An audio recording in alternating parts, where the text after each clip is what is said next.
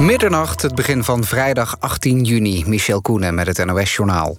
Tot zeker halverwege augustus moeten we gewoon anderhalve meter afstand blijven houden. Dat staat volgens RTL Nieuws in een advies van het Outbreak Management Team aan het kabinet.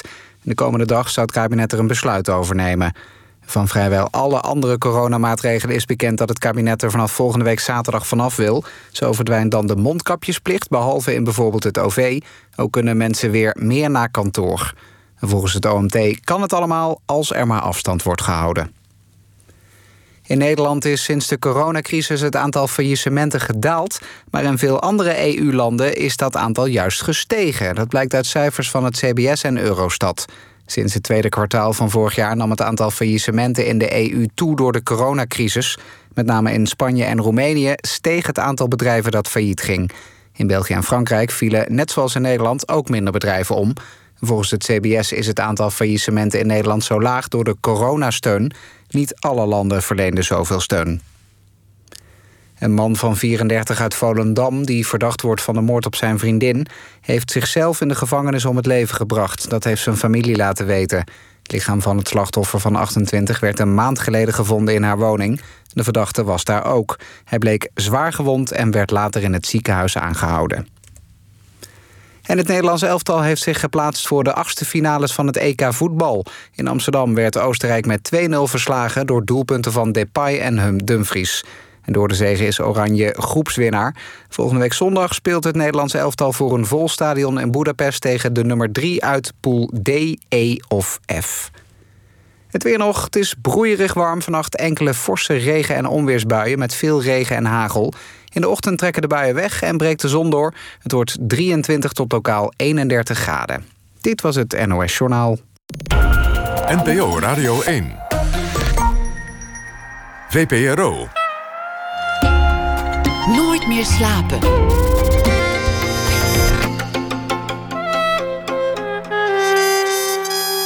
Met Pieter van der Wielen. Goedenacht en welkom bij Nooit meer slapen. Al jong raakte mijn gast van Comotuur soort van bevangen door haar eigen sterfelijkheid. Nou gebeurt iedereen dat wel op een zeker punt in het leven dat je erachter komt dat alles eindig is. En dat ook jij dood zult gaan, net als de rest. En dan is er natuurlijk het moment dat je je daar tegen wilt verzetten. Maar bij Babs Bakels is het allemaal nog iets verder gegaan. Ze is afgestudeerd bijvoorbeeld als kunsthistorica op het dode lichaam als kunstobject. Ze is ook curator geworden van een uitvaartmuseum. Ze heeft een kalender gemaakt met doodskisten. En toen was er ook ineens een podcast die werd gemaakt midden tijdens een pandemie.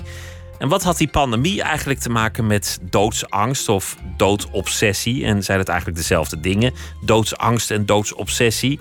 Maar goed, we gaan nu versoepelen bijvoorbeeld. Hè? Dat fluistert het. En dan aan de talkshowtafels waarschuwen deskundigen alvast. Wat dan als al die mensen straks weer naar buiten mogen... en dat ze dan naar buiten lopen en onder een vrachtwagen komen? Of wat als iedereen op het terras gaat zitten en masse... en dan door een komeet geraakt wordt? De vraag rijst uiteindelijk als je dit doorvoert... wat is eigenlijk erger?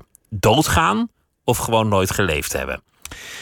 Ik daal alweer helemaal af, joh. De podcast Cassie Weilen. Die gaat dus over uh, heel veel andere dingen. Over de laatste adem, over de doodsreutel. Wat is dat eigenlijk? De kunst van beenderen. Het sterven lekker uitbesteden aan professionals. Dat soort thema's. Een gezellige podcast, kortom gemaakt door Laura Stek. Die kent u wel van OVT en Babs Bakels. Babs Bakels is uh, curator, kunstenaar en ze werd geboren in 1971. Babs, hartelijk welkom. Hoi, wat leuk. Hoe is, dat, hoe is dat nou eigenlijk gekomen dat de dood zo'n thema in je leven is geworden? Um, ja, jeetje.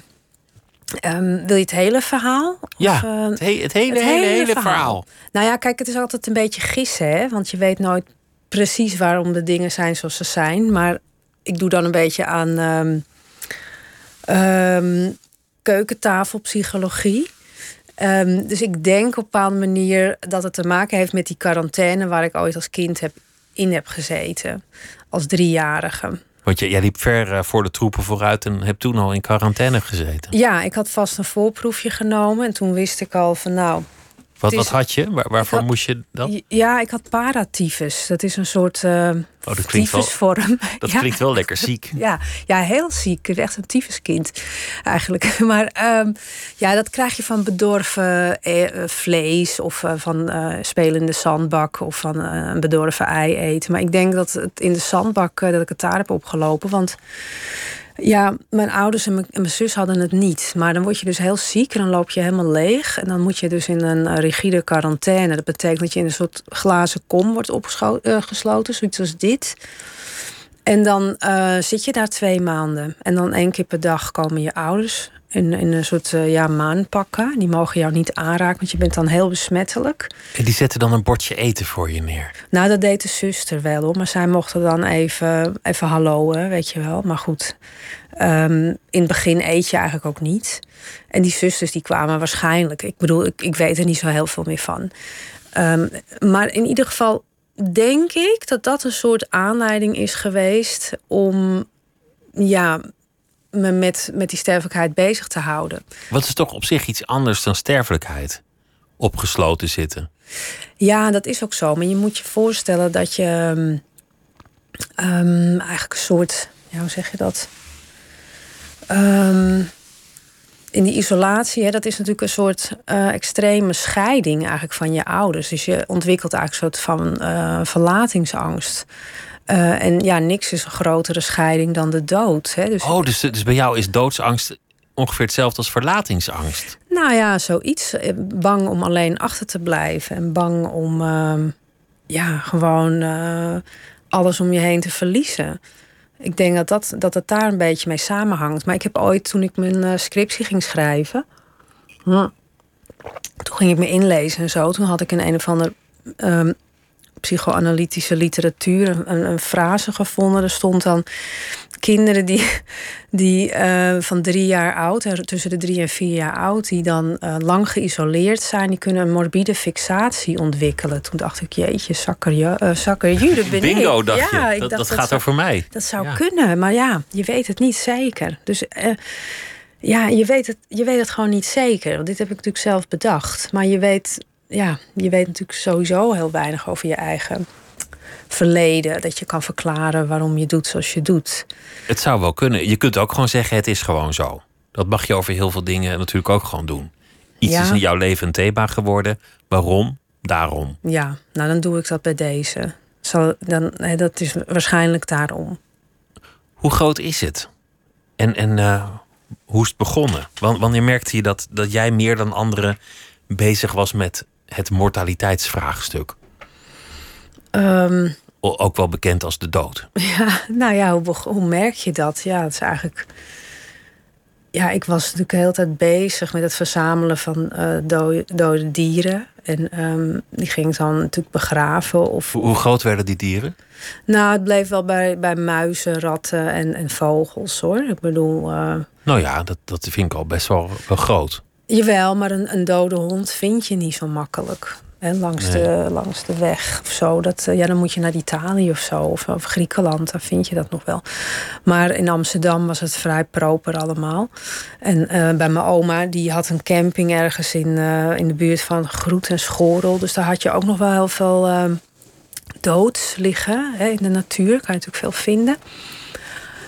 Ja, en dat ging ik dan bestuderen. Wat dus- deed je dan? Dan- pakte je een dode vogel, die, die, die stopte je in een doos. ja, Nam je mee naar je kamer.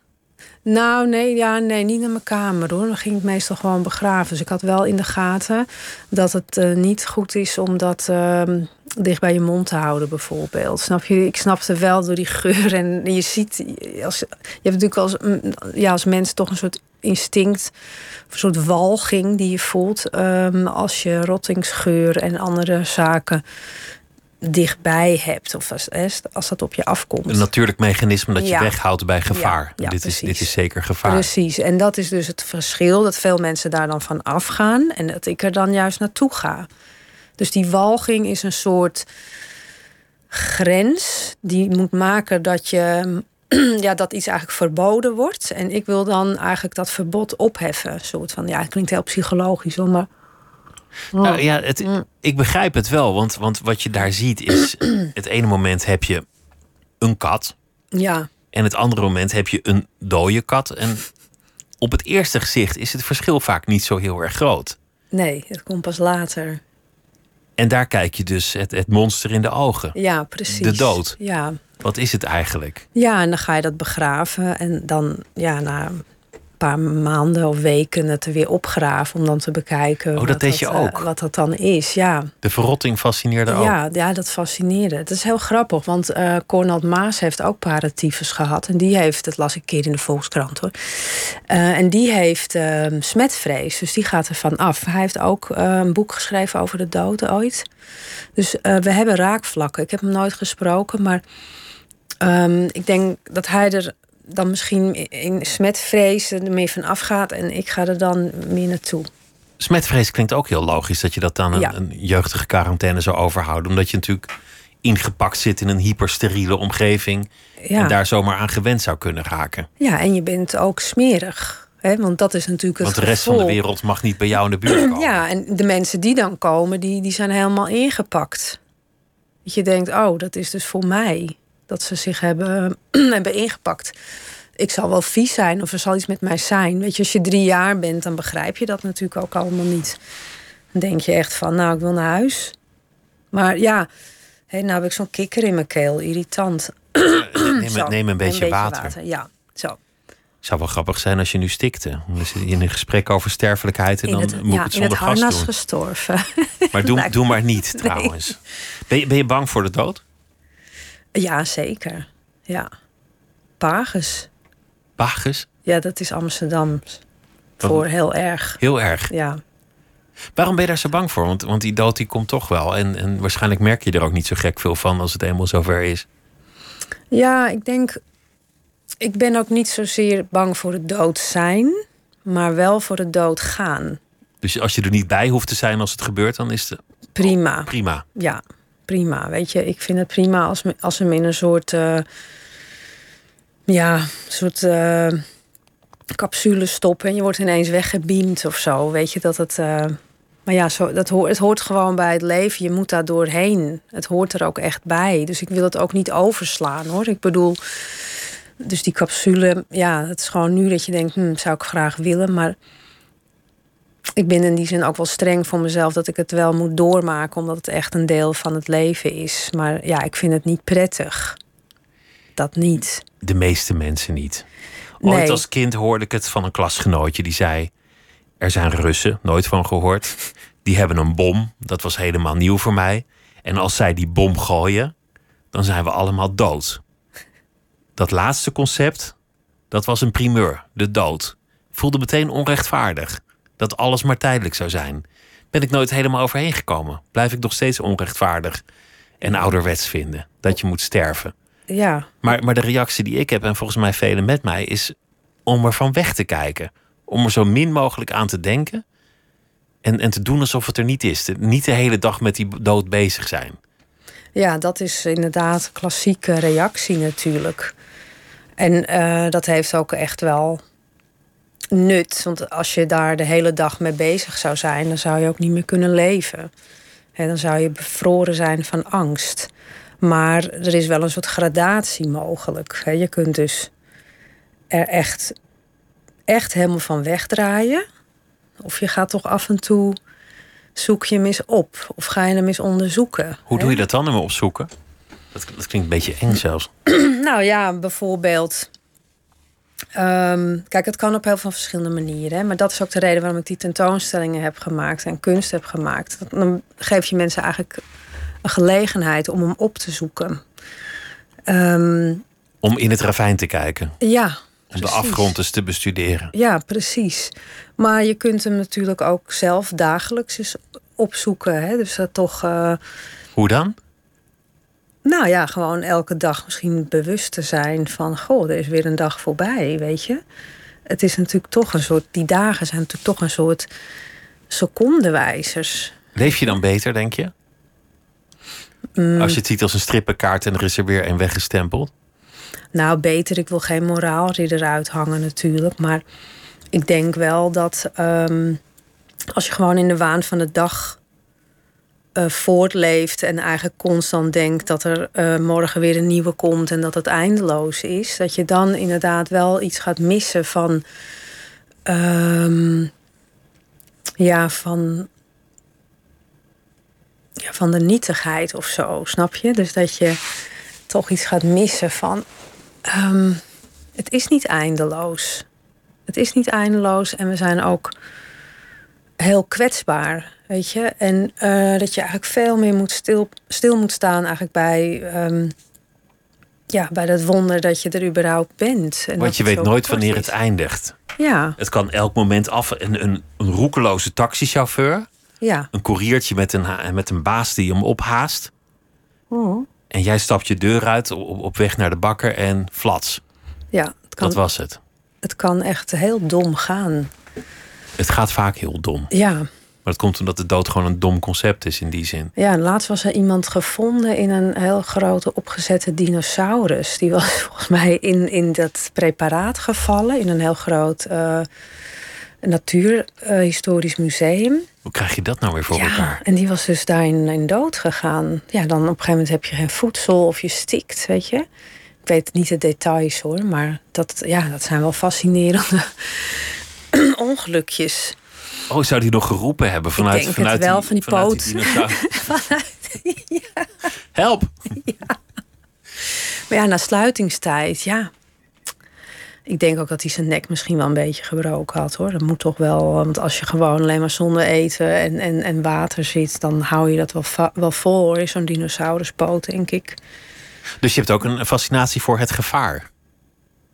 Ja, ja, tuurlijk. Het gevaar maakt dat je, dat je voelt dat je leeft. Dus die dood is eigenlijk ook een soort gevaar in het leven. Die maakt dat het leven ook zoveel meer zin krijgt. Snap je? Ja, maar je zei net zelf, als ik er niet bij hoef te zijn, dan heb ik niet zoveel bezwaar tegen het dood zijn aan zich en de sterfelijkheid. Je zou er ook voor kunnen pleiten om dan spectaculair te sterven. Als je het toch maar één keer doet, val dan in een opgezette dinosaurus.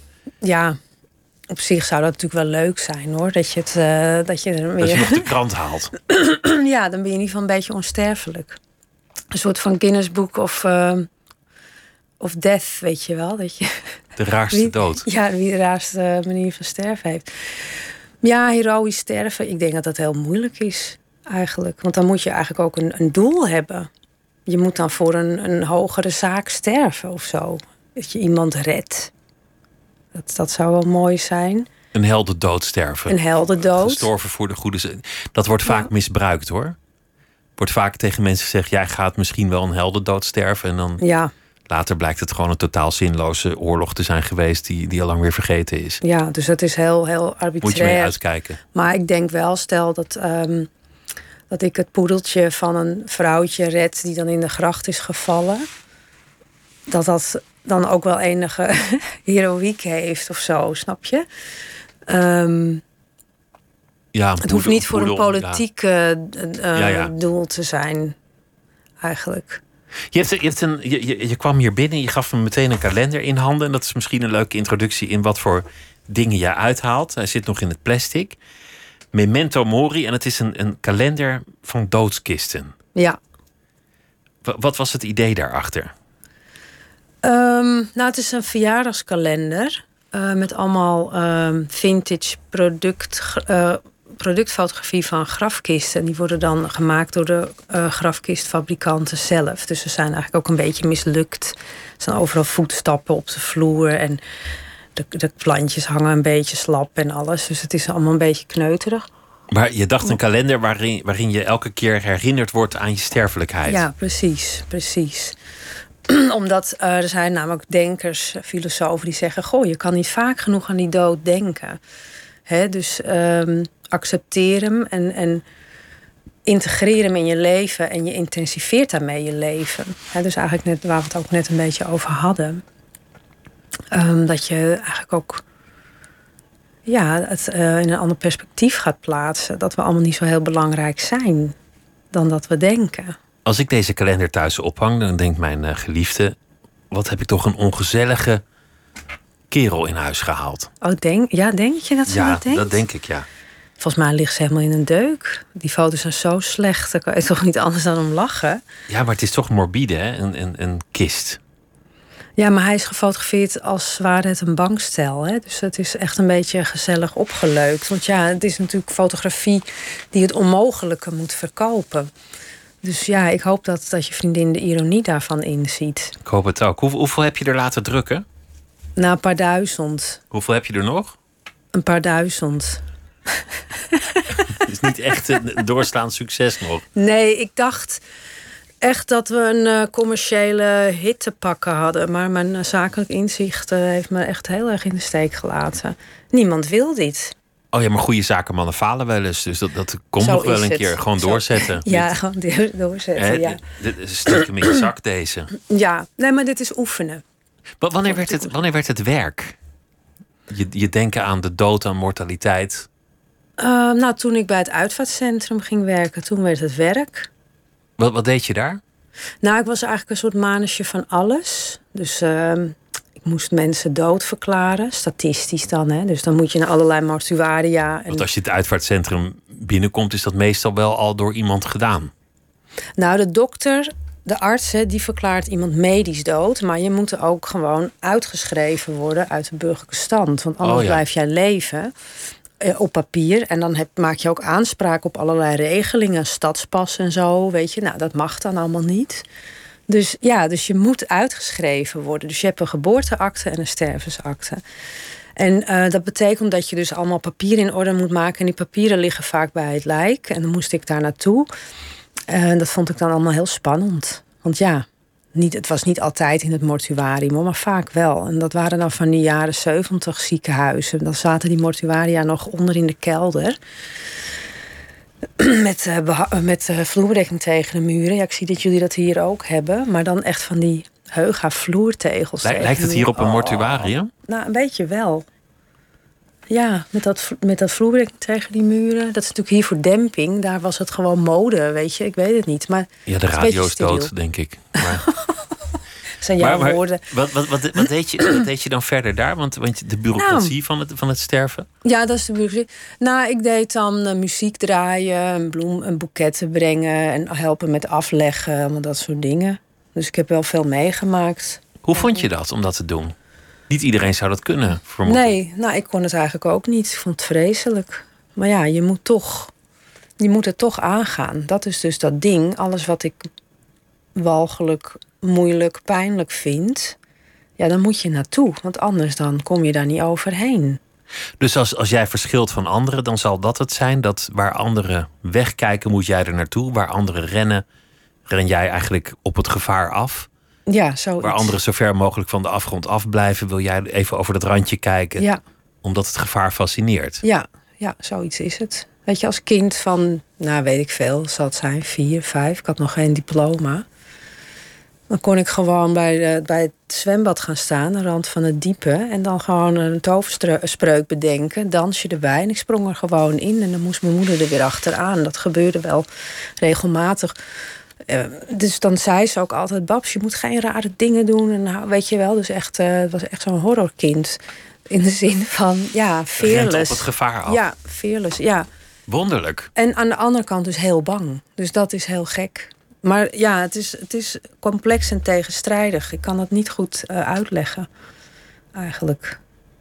Laten we luisteren naar een, een fragment uit de podcast. Want, want jij en Laura Stek zijn aan de slag gegaan met dat reusachtige thema van de dood en de sterfelijkheid. En eh, een van de dingen die jullie aanhalen is de laatste adem. En dan heel letterlijk. Iemand die blaast een bedje op en valt dood neer. Dan heb je dus die laatste adem gevangen in een bedje. Wat doe je daar eigenlijk mee? Is dat dan iets waard, die laatste adem? En ook Once Upon a Time in the West. Misschien wel de mooiste film ooit gemaakt.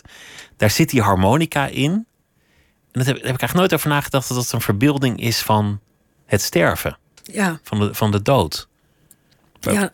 En het mooie is dat, dat, dat die klank op dezelfde manier ontstaat als in die luchtpijp. Dat ontdekte ik op een gegeven moment van hè, zo'n mondharmonica. Jezus, ik ben nu, nu zelf net een doodreutel. Maar goed, ehm, die ehm, mondharmonica, dat is eigenlijk een soort. Het bestaat uit pijpjes en daar zit een soort versmalling in. En hoe groter de versmalling, hoe hoger of hoe lager die toon.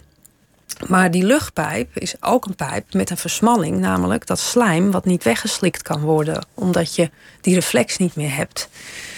Dus die lucht gaat daar langs en daar komt dus eigenlijk die, die klank uit. Het is gewoon, uh, ja, is gewoon fascinerend. Dus het dode lichaam is echt een instrument geworden eigenlijk. Of het stervende lichaam, hè, om precies te zijn. Want er kan een geluid uitkomen lang nadat iemand al dood is. Nee, nee, voordat iemand dood is. Dan, dan heb je die laatste kreet. Ja. Nee. Maar je hoort ook wel eens verhalen van in het lijkenhuis dat, er, dat ineens het lijk een boer laat. Ja, dat, dat is gewoon gas dat, ja. dat ontsnapt. Ja, precies. Ja. Of een scheet. Ja. Nee, dat gaat gewoon door. Kijk, die bacteriën die leven gewoon door.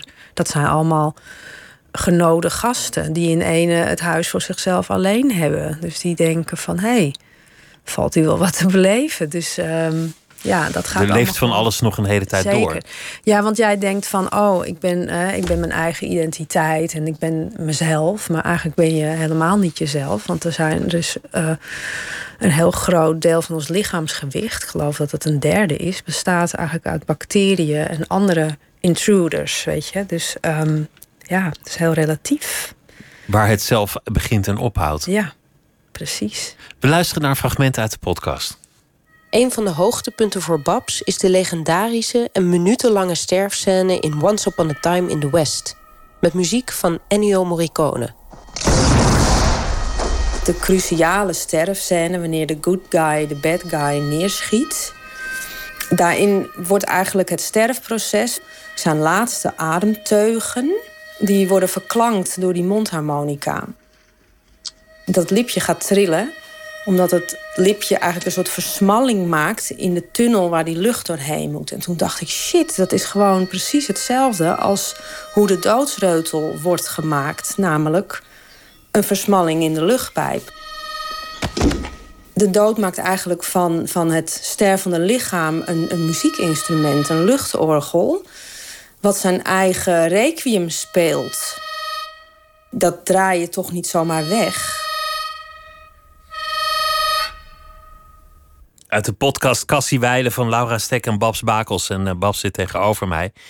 Ja, er zijn ook mensen heel lang medische studies blijven doen naar, naar doodsreutels, hoorde ik in jullie podcast. Klopt. Tot ze erachter kwamen dat dat studie naar symptomen was en niet naar een, een werkelijke aandoening. Nee, het is, het is gewoon het uitvallen van reflexen. Dus de slikreflex gaat weg, waardoor dat slijm zich ophoopt. Um, er zijn meer redenen hoor, maar um, ja, daar zijn ze eigenlijk al jaren mee bezig. Dus er is een, een, een zekere ook uh, death rattle scale. Dus uh, dat is, dan kan je eigenlijk uh, meten hoe hard die reutel is. dat is voor wetenschappers. Dus um, de, de, het geluid bij het lichaam, hè, bij die is dan nog niet dood. Hè? Dus bij de patiënt, dan bij de deur, hoe hard is hij dan? En dan uit de kamer dus uh, zo zijn er een aantal stappen hoe ze dan kunnen meten hoe hard dat uh, ding is. En ja, heel veel mensen schijnen daar toch steeds meer moeite mee te hebben. Dus de, de, de familieleden. Kijk, die, die, de, die stervende zelf heeft er geen last van. Daar zijn geen bewijzen voor. Ja, het was gewoon fascinerend hoeveel literatuur daarover bestaat. Hè, om, om gewoon die reutel uh, de mond te snoeren. Um, dus nu is er in Rotterdam een onderzoekster uh, Jet, ik ben even de achternaam kwijt. Uh, en die is dus bezig uh, om een bepaald medicijn, want er zijn heel veel medicijnen die ze getest hebben, maar om die ver vooraf al te geven. Om die aanmaak van dat slijm af te remmen. Um, ja, en daar heeft ze eigenlijk best goede resultaten mee. Ja, en wat is daar het voordeel van dan? Dat, dat iemand postuum geen, geen geluid meer maakt?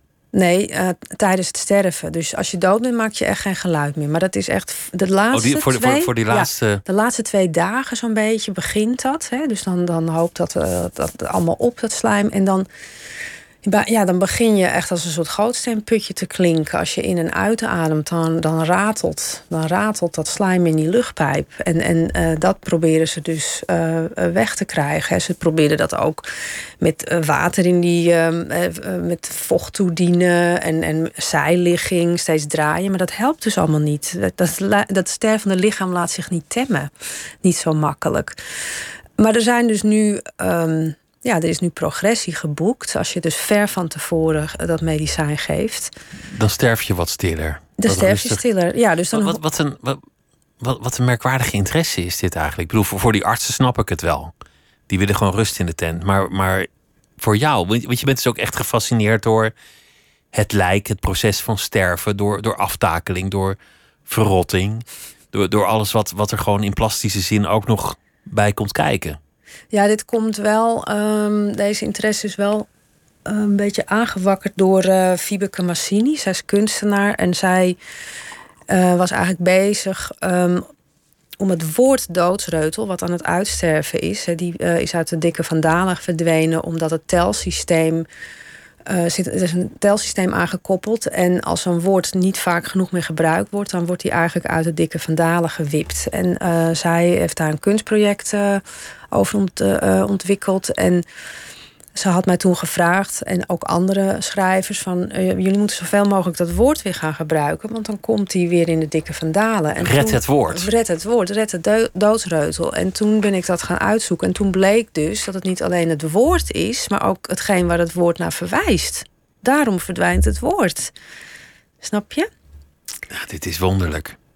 En, maar heb je ook, heb je ook echt een, een fascinatie voor vergaan van, van lichamen, voor, voor de de ontbinding? Ja, dat vind ik ook fascinerend. Ja, maar ik vind het ook eng. He, maar dat gaat natuurlijk Wederom, heel dus- samen. Dus, eng is erop af in jou. Ja, fascinatie is eigenlijk um, een grens overgaan. In een soort van veilige setting proberen die, die grens van die angst over te gaan. Kijk, als het te groot wordt, ja, dan ben ik natuurlijk ook weg. Hè? Ik ben ook niet van. Uh, maar hoe, hoe uitzicht dat? Zit je wel eens achter je laptop te zoeken naar foto's van, van, van vliegrampen die. Uh, ja, dat heb ik allemaal gehad. Daar ben ik al lang doorheen. Ongelukken. Ja, dat ben ik ook uh, heb ik gehad. Politieberichten, alles. Ja. Na politieberichten minder. Dan moet je zo'n scanner hebben. Dan lig ik nog langer wakker, toch? Dat is toch zo'n nachtradiootje. Dus dat allemaal niet. Maar ik heb dat inderdaad toen internet uh, net zo ontstond. Toen kon je inderdaad op rotten.com kon je kijken. Dan ging ik dat al bestuderen. Maar het is niet zo dat ik um, alleen maar loop te gruwelen of zo. Weet je, het moet ook wel een soort inhoudelijke component hebben. Of snap je? Dus ik wil dan ook het rottingsproces, wat er gebeurt op moleculair niveau, begrijpen. Van hoe, hoe werkt dat dan?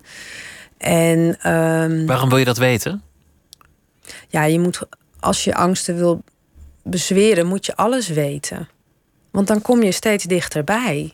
En dat bezweert de angst. Ja. Dus je wordt er minder bang voor als je gewoon precies weet hoe het nou, minder in elkaar bang, steekt. Je wordt gewoon meer comfortabel.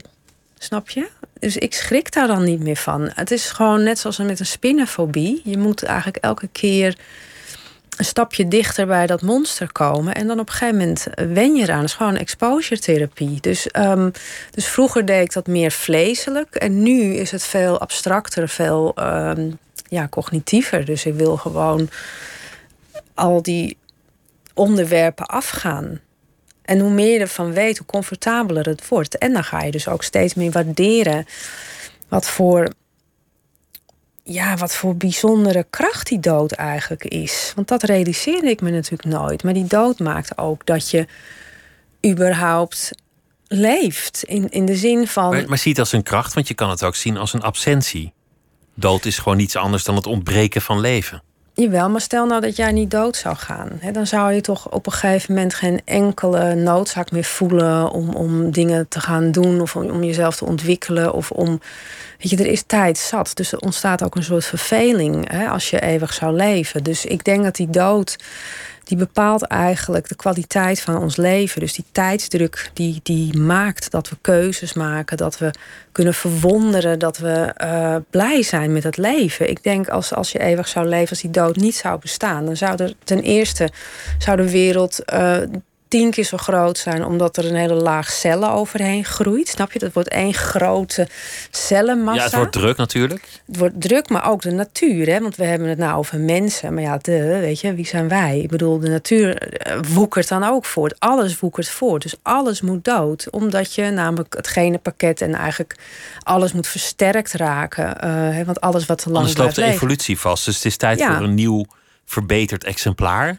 Zeker. Maar Net als met computers, er moet gewoon een update komen. Dus jij moet dood, komt het nieuwe exemplaar erin. Precies. En ook uh, qua ideeën, hè, dus cultureel gezien. Stel nou dat, dat jij duizend jaar wordt en je doet, weet je, dan heb je toch op een gegeven moment ben je toch uitgekakt gewoon met alle ideeën. Weet je, je, je aan je brein zit een soort limiet, ook aan je, aan je inventiviteit of aan je creativiteit. Dus het is ook heel goed dat uh, jij en ik doodgaan om plaats te maken voor nieuwe ideeën, voor mensen die hetgeen wat wij hebben neergelegd oppakken en daarop reageren. Er moet gewoon een reactie zijn. Ik ben daar heel kinderachtig in. Ik vind het onrecht. Ik ben het er niet mee eens. Ik ben gewoon tegen de dood. Ik kan ook wel denken vanuit de soort, maar wat heb ik eraan? Ik, ben gewoon, ik, vind, ik vind gewoon niks. Die hele dood niet. Ja, maar het is wel een beetje egoïstisch, Pieter. Is het ook? Geef ik ook toe. Er zijn, je hebt ook iets leuks, want je hebt een, je hebt een vrolijke obsessie met Italiaanse pophits uit de jaren zestig. Mm Je verzamelt singeltjes. Ja.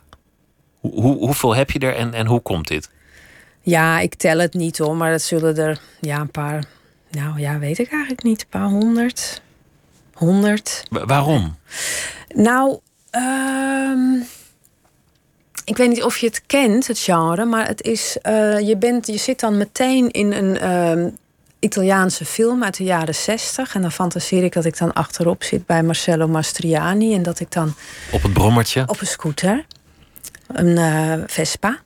En dan heb ik uh, een sjaaltje om met polkadots, weet je. En dan heeft hij zo'n prachtige mooie zonnebril op. Ja, dan gaan we naar de, de gelateria. En ja, dan aanbidt hij mij. Weet je, dat is, dat is dan de fantasie. Want die liedjes gaan over dat soort dingen. Naar het strand gaan, of, of ja, over de liefde, of over champagne, of over nou, allerlei onzin. En het fijne is, ik versta het niet. Dus uh, ik kan er nog van alles bij bedenken ook. Um, maar dat geeft een soort luchtigheid en een soort. Weet je, dat is echt gewoon een escapisme ik wil dan gewoon naar het Italië van de jaren zestig. En het is natuurlijk een, een antidoot voor al die doodsgedachten en angsten en ellende. Weet je, dan, als ik dan bijvoorbeeld een beetje down word van de dood, dan moet ik gewoon even een shotje Brava hebben van Mina bijvoorbeeld. In, in die films eh, van Visconti en zo, dan, dan spelen ze daar ook vaak mee. Dan zitten ze op die brommer bijvoorbeeld. En dan zie je heel vluchtig dat er een ernstig verkeersongeluk is gebeurd. En dan zegt de man tegen het meisje: Oh, kijk maar even niet. En dan gaan ze weer verder. En dan, dan, dan wordt er heel even die mortaliteit in de film gebracht zonder dat het verder een rol speelt. Eventjes invrijven van ja, het kan elk moment eindig zijn. Ja, prachtig. Vind ik prachtig. Ja, dat, vind ik echt poëtisch filmmaken. Dat is echt te gek. Weet je, dat je die dood even saillant maakt en dan eigenlijk. er weer aan voorbij gaat. Nou, voorbij gaat. Ik denk dat hij wel heel eventjes blijft hangen. Namelijk dat je die film nog beter gaat ervaren, nog intenser gaat ervaren. Eh, dat is gewoon een stijlfiguur bijna. Ehm, het is, het, er is namelijk bijvoorbeeld onderzoek gedaan dat mensen meer gaan kopen nadat er reclames zijn geweest over uitvaartpolissen uh, en zo. Hè, of, of hè, dat er. Ehm, als mensen worden um, hoe zeg je dat, herinnerd aan hun dood, gaan ze dus meer kopen of ze gaan uh, harder feest vieren of uh, ja, flaneren. Hè, juist om dat weg te zetten. Dus, dus ik denk ook dat, dat dat wat jij nu schetst in die film bijdraagt aan de beleving van die film. We gaan zo'n liedje draaien. Ja. Het is uh, Mina, 1965, met een liedje dat heet Brava.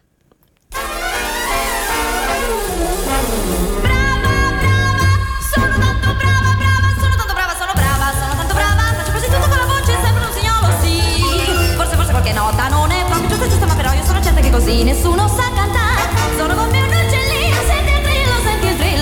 sentire queste note così basse che so fare. Poi vado su, vado su, vado su.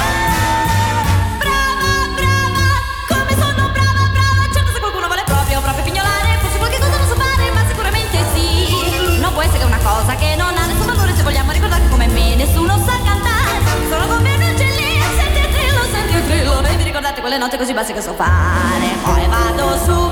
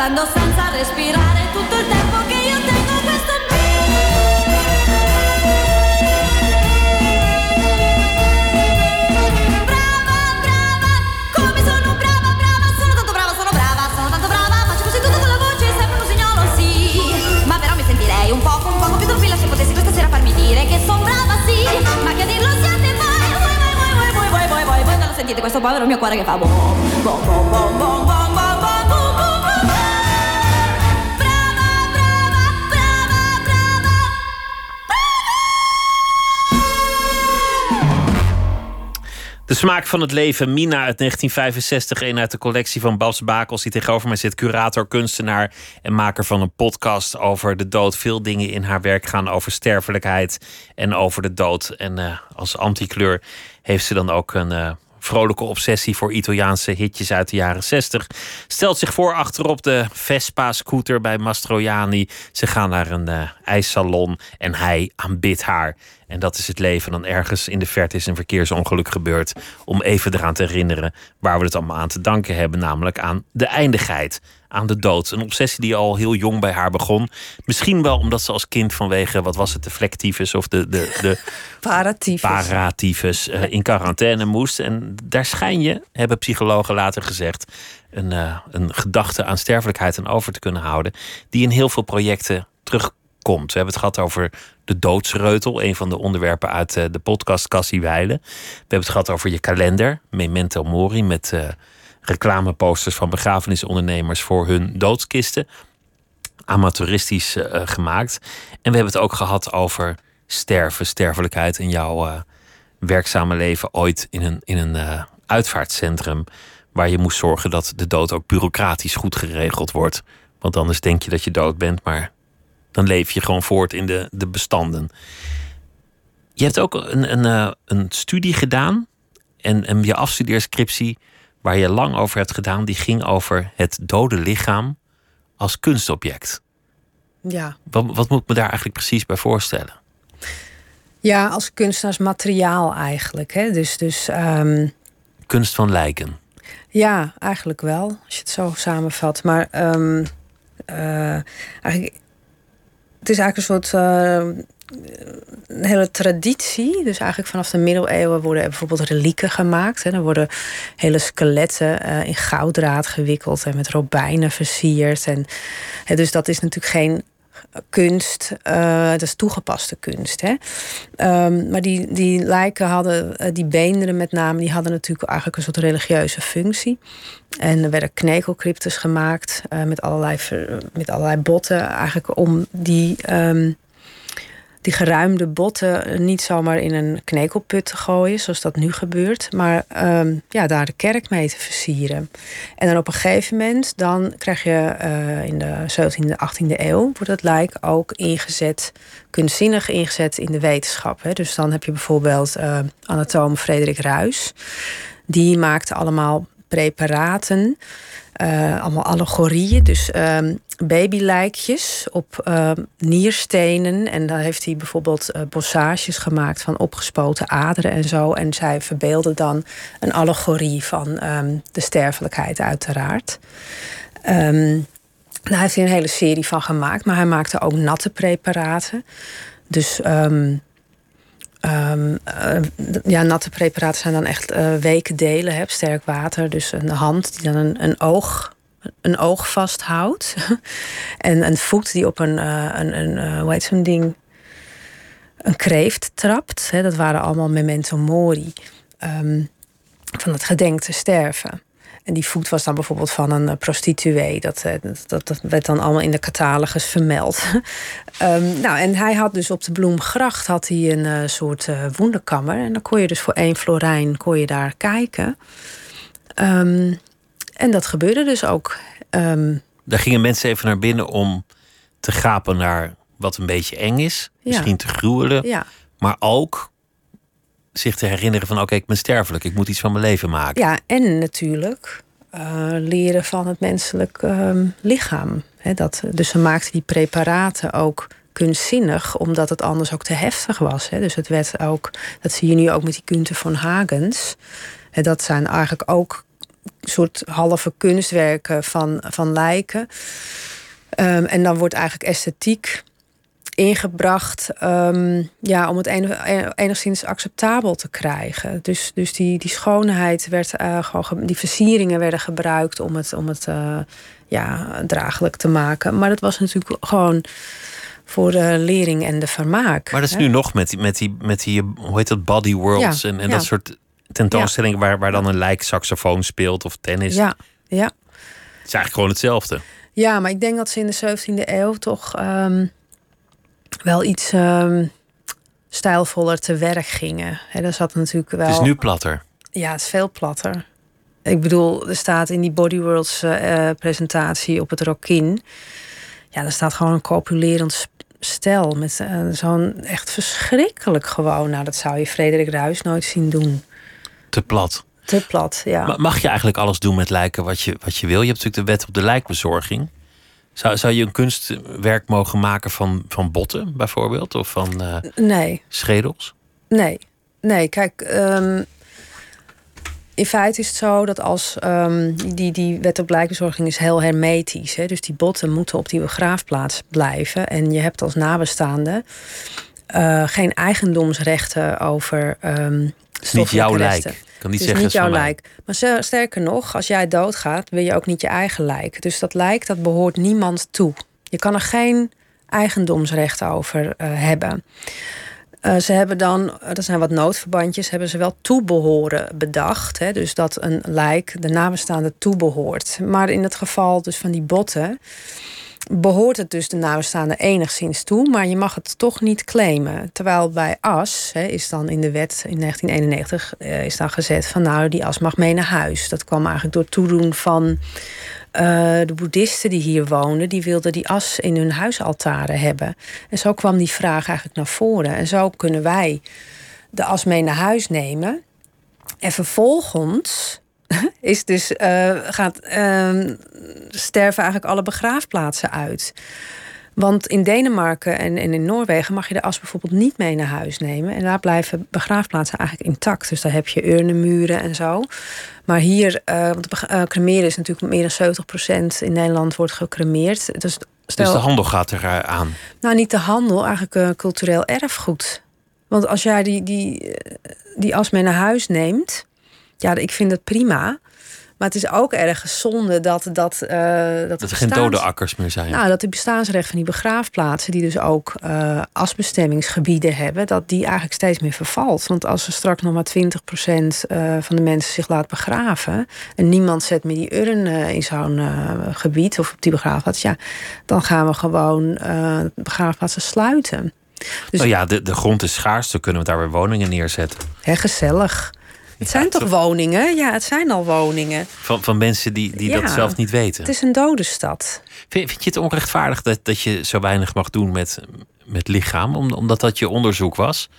Was dat wat er voor jou achter zat? Nou, weet je, ik snap ook, heus wel eh, waar, waar, waarom die grenzen er zijn. Het is niet dat je.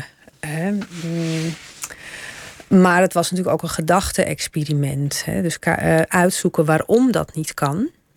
En ook kijken van, goh, in sommige gevallen zou je kunnen denken, ja, maar waarom eigenlijk niet? Hè, dat, dat terugclaimen van die beenderen ehm, vind ik eigenlijk ehm, rechtvaardig op een bepaalde manier. Want nu worden ze dus te koop aangeboden op internet. Hè. Dus eh, dat zijn dan beenderen die er niet op een begraafplaats zijn gevonden, maar bijvoorbeeld op een knekelveld, als ze bijvoorbeeld bij het Shell-gebouw gaan staan eh, graven om nieuwe huizen neer te zetten, dan komen die, die schedels naar boven. Nou, als jij dat vindt, dan ben je dus de eerlijke vinder van een res nullius, dus een zaak die niemand meer toebehoort. En dan kan je dat op internet gooien. Ehm, en dat is dan legaal, hè, dat is wettelijk eh, toegestaan denk ik, ja, je kan ook denken, nou, we mogen die schedels mee naar huis nemen van, van onze geliefden, na, nadat het verteerd is. En dan is ook die handel weg, in feite. Eh, en ik denk ook dat dan de angst voor de dood ook weer afneemt. Als je een, een gezondere relatie hebt met die stoffelijke resten. Want in de middeleeuwen waren die schedels en botten everywhere. Die, die kon je gewoon zien en aanraken. Die middeleeuwen was natuurlijk veel meer gewend aan die dood. En omdat wij alles wegpoetsen Ehm, ja, word je bang. Want het komt Want, altijd want wij terug. poetsen de dood weg. Wij kunnen er eigenlijk helemaal niet meer mee omgaan. Sterfelijkheid moet worden uitgebannen. Het gevaar moet worden uitgebannen. Precies. Het noodlot gedomesticeerd. ja. We willen het gewoon en masse niet weten. We kunnen er niks mee. Nee, Dat is, is misschien het probleem dat je, dat je probeert aan te kaarten. Ja, weet je, we leven nu in een soort paradijselijke staat. Niet in de hemel, maar op aarde. En daar moet al het verkeerde, foute en pijnlijke moet daar weg. Dat was ook tijdens corona, dat noem je ook in je podcast. Ah, er waren een paar mensen die zeiden van... eh, nou ja, god, mensen gaan dood. Of, eh, of soms is het je tijd. De, de, de niet zo heel fijne vergelijking met dood hout. Hè, van de- Ja. de- een, een windje door het bos en dan is al het dode hout weg. Niet, niet heel sympathiek. Nee. Maar ergens is het natuurlijk wel wat virussen doen. Virussen die, die, die ruimen op. Ja, nee, dat, dat, dat is Ik, natuurlijk ik ook merkte zo. dat, dat, dat mensen ontzettende moeite hadden met het hele concept sterfelijkheid. Misschien nog wel meer dan met de pandemie zelf. Ja, ja en nee, want aan de andere kant hield niemand zich aan die maatregelen. Gingen ze eh, uitgebreid shoppen, eh, nog in de koopgoot op Black omdat, ze, Friday. omdat ze denken dat ze zelf onsterfelijk zijn. Precies. Dus ik had zoiets van, nou, ik vond dat eigenlijk heel erg meevallen. In het begin had je die discussie over dat doorhoud. Maar het probleem met die discussie vind ik... wanneer ben je doorhoud? Ben je dat als je 60 bent, 65? Want er lagen natuurlijk ook mensen van die leeftijd eh doodgaan op de IC's, weet je wel. Nog wel jonger ook een paar. Ja. Ja, weet je, dus ik vind dat heel lastig. En ik vind ook dat je in. Ja, dat je dan in zo'n samenleving die we dan met elkaar gecreëerd hebt. Ja, is het wel een beetje gelijke monniken, gelijke kappen. Tot zover het kan, natuurlijk. En dan, of je moet je samenleving, het systeem gaan veranderen. Nou ja, ga er maar aan staan. Dus ik snapte wel. Kijk, weet je, je moet ook denken, Pieter. Weet je, als iedereen twee of drie mensen had verloren in zijn familie. Van tussen de 60 en de 70 en 80. Hadden we toch een samenleving gehad die volledig getraumatiseerd was. Snap je wat ik bedoel? Dus ehm, Misschien hebben we ook wel een getraumatiseerde samenleving. door corona. Ja, dat kunnen we eigenlijk nog niet zeggen. Nee, maar stel nou dat we die maatregelen niet hadden gehad. Weet je, dan denk ik echt van ja, dan was echt. Ja, dan hadden we echt weer. Eh, op het niveau van de middeleeuwen, weet je, dat je dus gewoon echt mensen ziet wegvallen in je, in je gezin. Ik weet niet of we daaraan toe zijn. Ik bedoel, ik, niet dat ik er per se. Ja, ik ben er wel tegen eigenlijk. ik ben wel tegen. Maar, maar het goede nieuws is, de meeste mensen zijn heel solidair geweest. Ja, de meeste wel. Je, kan, je kan eigenlijk, ja, er was heel veel aandacht voor de paar mensen die, die, eh, die iets anders deden. Of, of, of er werd heel erg eh, schaamte opgeroepen over asociale. Maar volgens, volgens mij zijn we toch een heel sociale samenleving gebleken. Ehm, ja, ik vind, ik vind dat ingewikkeld. Weet je, ik bedoel. ehm, Had jij angst tij- tijdens die hele. Nou, ik had angst eh, om mijn eh, oma en mijn vader en moeder te verliezen. Want ik zoiets had van ja, eh, die zijn kwetsbaar en die, die gaan er wel aan als ze het krijgen. Dus ik, was, ik had wel angst. Ik vond dat zeker heel bedreigend. En ook echt zoiets wat, we- wat we nog nooit hebben meegemaakt, weet je. Wij hebben ook geen oorlog meegemaakt. Maar dit was inderdaad zo'n gevoel van... Ja, jezus, wat, wat gebeurt hier? Het was echt... eh, en ergens vond ik het ook heel leerzaam om het mee te maken. Waarom? Nou, omdat we natuurlijk toch allemaal een beetje van suiker zijn. hè. We kunnen weinig hebben. En ik denk dat we nu eh, best wel op de proef gesteld zijn. En ehm, dat het soms ook heel goed is om jezelf op de proef te stellen. Wat je aan kan en dat je dingen moet verdragen. Want hele generaties hadden eigenlijk nog nooit iets wezenlijks meegemaakt. Nee, Althans, niet collectief. nee, ik ook niet. Dus eh, ja, weet je, dus, dus ik denk dat het een hele goede oefening is. Namelijk om het leven niet voor lief te nemen. Dat is gewoon niet zo. Weet je, wij denken echt dat we onaantastbaar zijn. Sorry? Je hebt het maar te leen. het Ja, leven. ja, alle bezit is diefstal. Zeg ik altijd maar zo. ja. Nou ja, je zei eerder- nergens je op, maar eerder we dat hebben het ook, alleen. Ja. Dat het ook verlatingsangst is. Hè? Wa- Waarom je altijd met sterfelijkheid bezig bent. Ben je, ben je dan banger voor de dood van anderen, generaliserend gesproken, dan voor je eigen sterfelijkheid? Nou, ik denk allebei. Ik denk allebei. Ik denk ehm, dat ze- zeggen heel veel mensen van hè, dat, dat je dan banger bent voor de dood van een ander, maar ik denk dat die net zo hard is voor jezelf. Dat dat ook heel eng is. Ehm, dat moment dat je bijvoorbeeld zou horen van oh, ik heb kanker, nou echt, dan ga je echt. ehm, ja, snap je? Ja, ik denk dat je dat niet zo kan vergelijken met elkaar. Is appels met peren vergelijken. Ik denk dat je het voor jezelf eigenlijk erger vindt. Maar in, jouw in jouw podcast laat je mensen aan het woord die ook professioneel stervensbegeleider zijn. En eh, nou ja, over, overal is een beroep van gemaakt natuurlijk. Dus je kan ook de dood zover als je, als je maar kunt gaan tot het moment zelf bijna uitbesteden. Maar die spreken allemaal van iets heel zachts.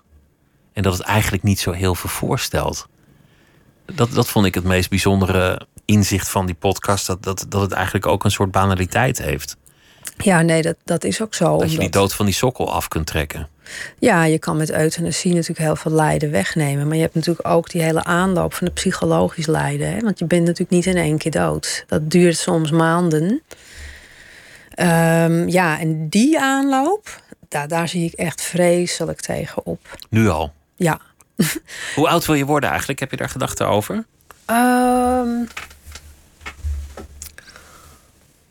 ja, dat vind ik wel lastig, want dat hangt heel erg samen met hoe je je voelt. Kijk, ik word alleen maar jonger eigenlijk op dit moment. Want ik heb eh, heel lang, ehm, hoe heet het, ehm, een tijd lang eh, heel slecht kunnen lopen en zo. Ik had uh, opgeslagen pijnsysteem. En dat is nu een beetje aan het, heb ik dat wat meer onder controle. Dus ik merk gewoon dat mijn lichaam, nu ik meer bewegingsvrijheid terugkrijg, dat ik eigenlijk een soort jonger word. Dat is een heel fijn gevoel, weet je dat? Dus dat je tegen de tijd ingaat. Dat is natuurlijk geen antwoord op je vraag hoor. Maar ik denk als je je, je lichaam kunt blijven gebruiken en je geest, dan mag ik van mij wel 150 worden. Maar dat is een nette leeftijd. Nette leeftijd. Maar als je inderdaad gewoon niks meer kunt, en dat heb ik natuurlijk aan de lijve ondervonden, ja, dan eh, heeft het leven natuurlijk niet zo heel veel waarde meer. Want dan leef je niet. En hoe zou je willen gaan? Als het zover komt. Wat, wat, wat, Jezus. voor, wat voor verlangens heb je? Heb je een soort verlangen van een ideale dood? Van nou ja, als het dan toch moet, dan zo? Ja. Oh, dat vind ik echt een hele lastige. Want ik denk daar wel eens aan van wil je verdrinken, wil je in het vuur, wil je ziek worden, wil je ja, wat wat wil Dat zijn allemaal nou net niet hele leuke opties. Nee, daarom. Dus ik heb zoiets van ja, ik denk dat euthanasie in dat opzicht toch de fijnste optie is. En daar ben, dus daar zou ik dan toch wel voor gaan. Maar ik moet wel De meeste mensen zouden zeggen eh, in mijn slaap na een, eh, nou ja, een, een activiteit naar keuze, zeg maar. En Ja. dan gewoon, gewoon in slaap vallen en nooit meer wakker worden. Nee, dat is natuurlijk echt een topdood. Dat is zo. Maar dat is zo zeldzaam. Dat, eh, ja, dat is echt zeldzaam. Is dat zeldzaam? Ja, ja, dat hoor je niet veel. Nee, Oh, ik dacht dat, dat, dat het heel standaard was. Dat mensen gewoon eh, joh. een glaasje wijn te veel gingen slapen. En eh, dat Nee. was opa. Nee, dan eh, heb je dan meer over een hartstilstand. Dat gebeurt natuurlijk wel vrij eh, vaak. Maar dat is dan niet in je slaap. Dan word je toch nog even wakker. Nou, dat gebeurt gewoon op straat of waar je bezig bent. Ik bedoel, dat, dat gebeurt overal. Gewoon midden in een activiteit of in een handeling waar je mee bezig bent. Maar, maar voor jou, wat, wat, wat is je... Mijn, mijn, je eh, ideale je- je- ja. dood. Of een heldendood? Ja, het is moeilijk om held te worden, denk ik hoor. In deze tijd. Nee, geen heldendood. Ik heb, ik heb eigenlijk niet zo heel veel. eh, daar heb ik eigenlijk nooit zo echt over nagedacht. Hoe je de hele nou- dag met de dood bezig Ja, bent. maar ik zit meer zo van. Dat, wat ik allemaal niet wil. Oh, het is toch angst uiteindelijk. Ja, ik ga niet denken wat ik wel wil. Maar ik, ik bedoel, ik wil eigenlijk ook niet dood.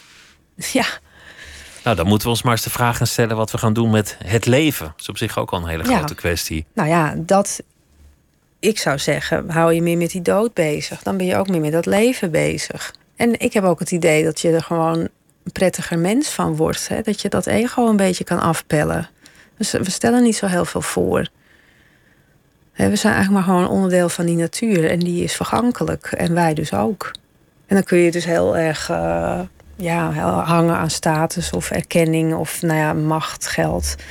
Maar het, het, het maakt niet uit. Mijn oma zei altijd: dat, lijkt, of, eh, nee, dat hemd heeft geen zakken, zei ze. Je kan het niet meenemen. Je kan het niet meenemen, dat Mhm. vind ik altijd mooi. De, de podcast Cassie Weide gaat over eh, sterven, sterfelijkheid, de omgang met alles wat met dood te maken heeft in onze samenleving en hoe je daar weer kunst van maakt. En heel veel andere inzichten gemaakt door Laura Stek en Babs Bakels.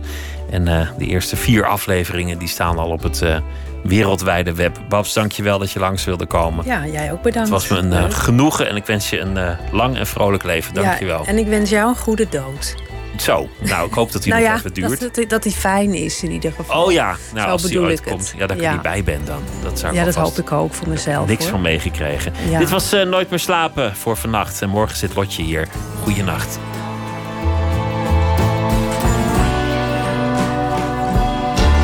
Op Radio 1. Het nieuws van alle kanten.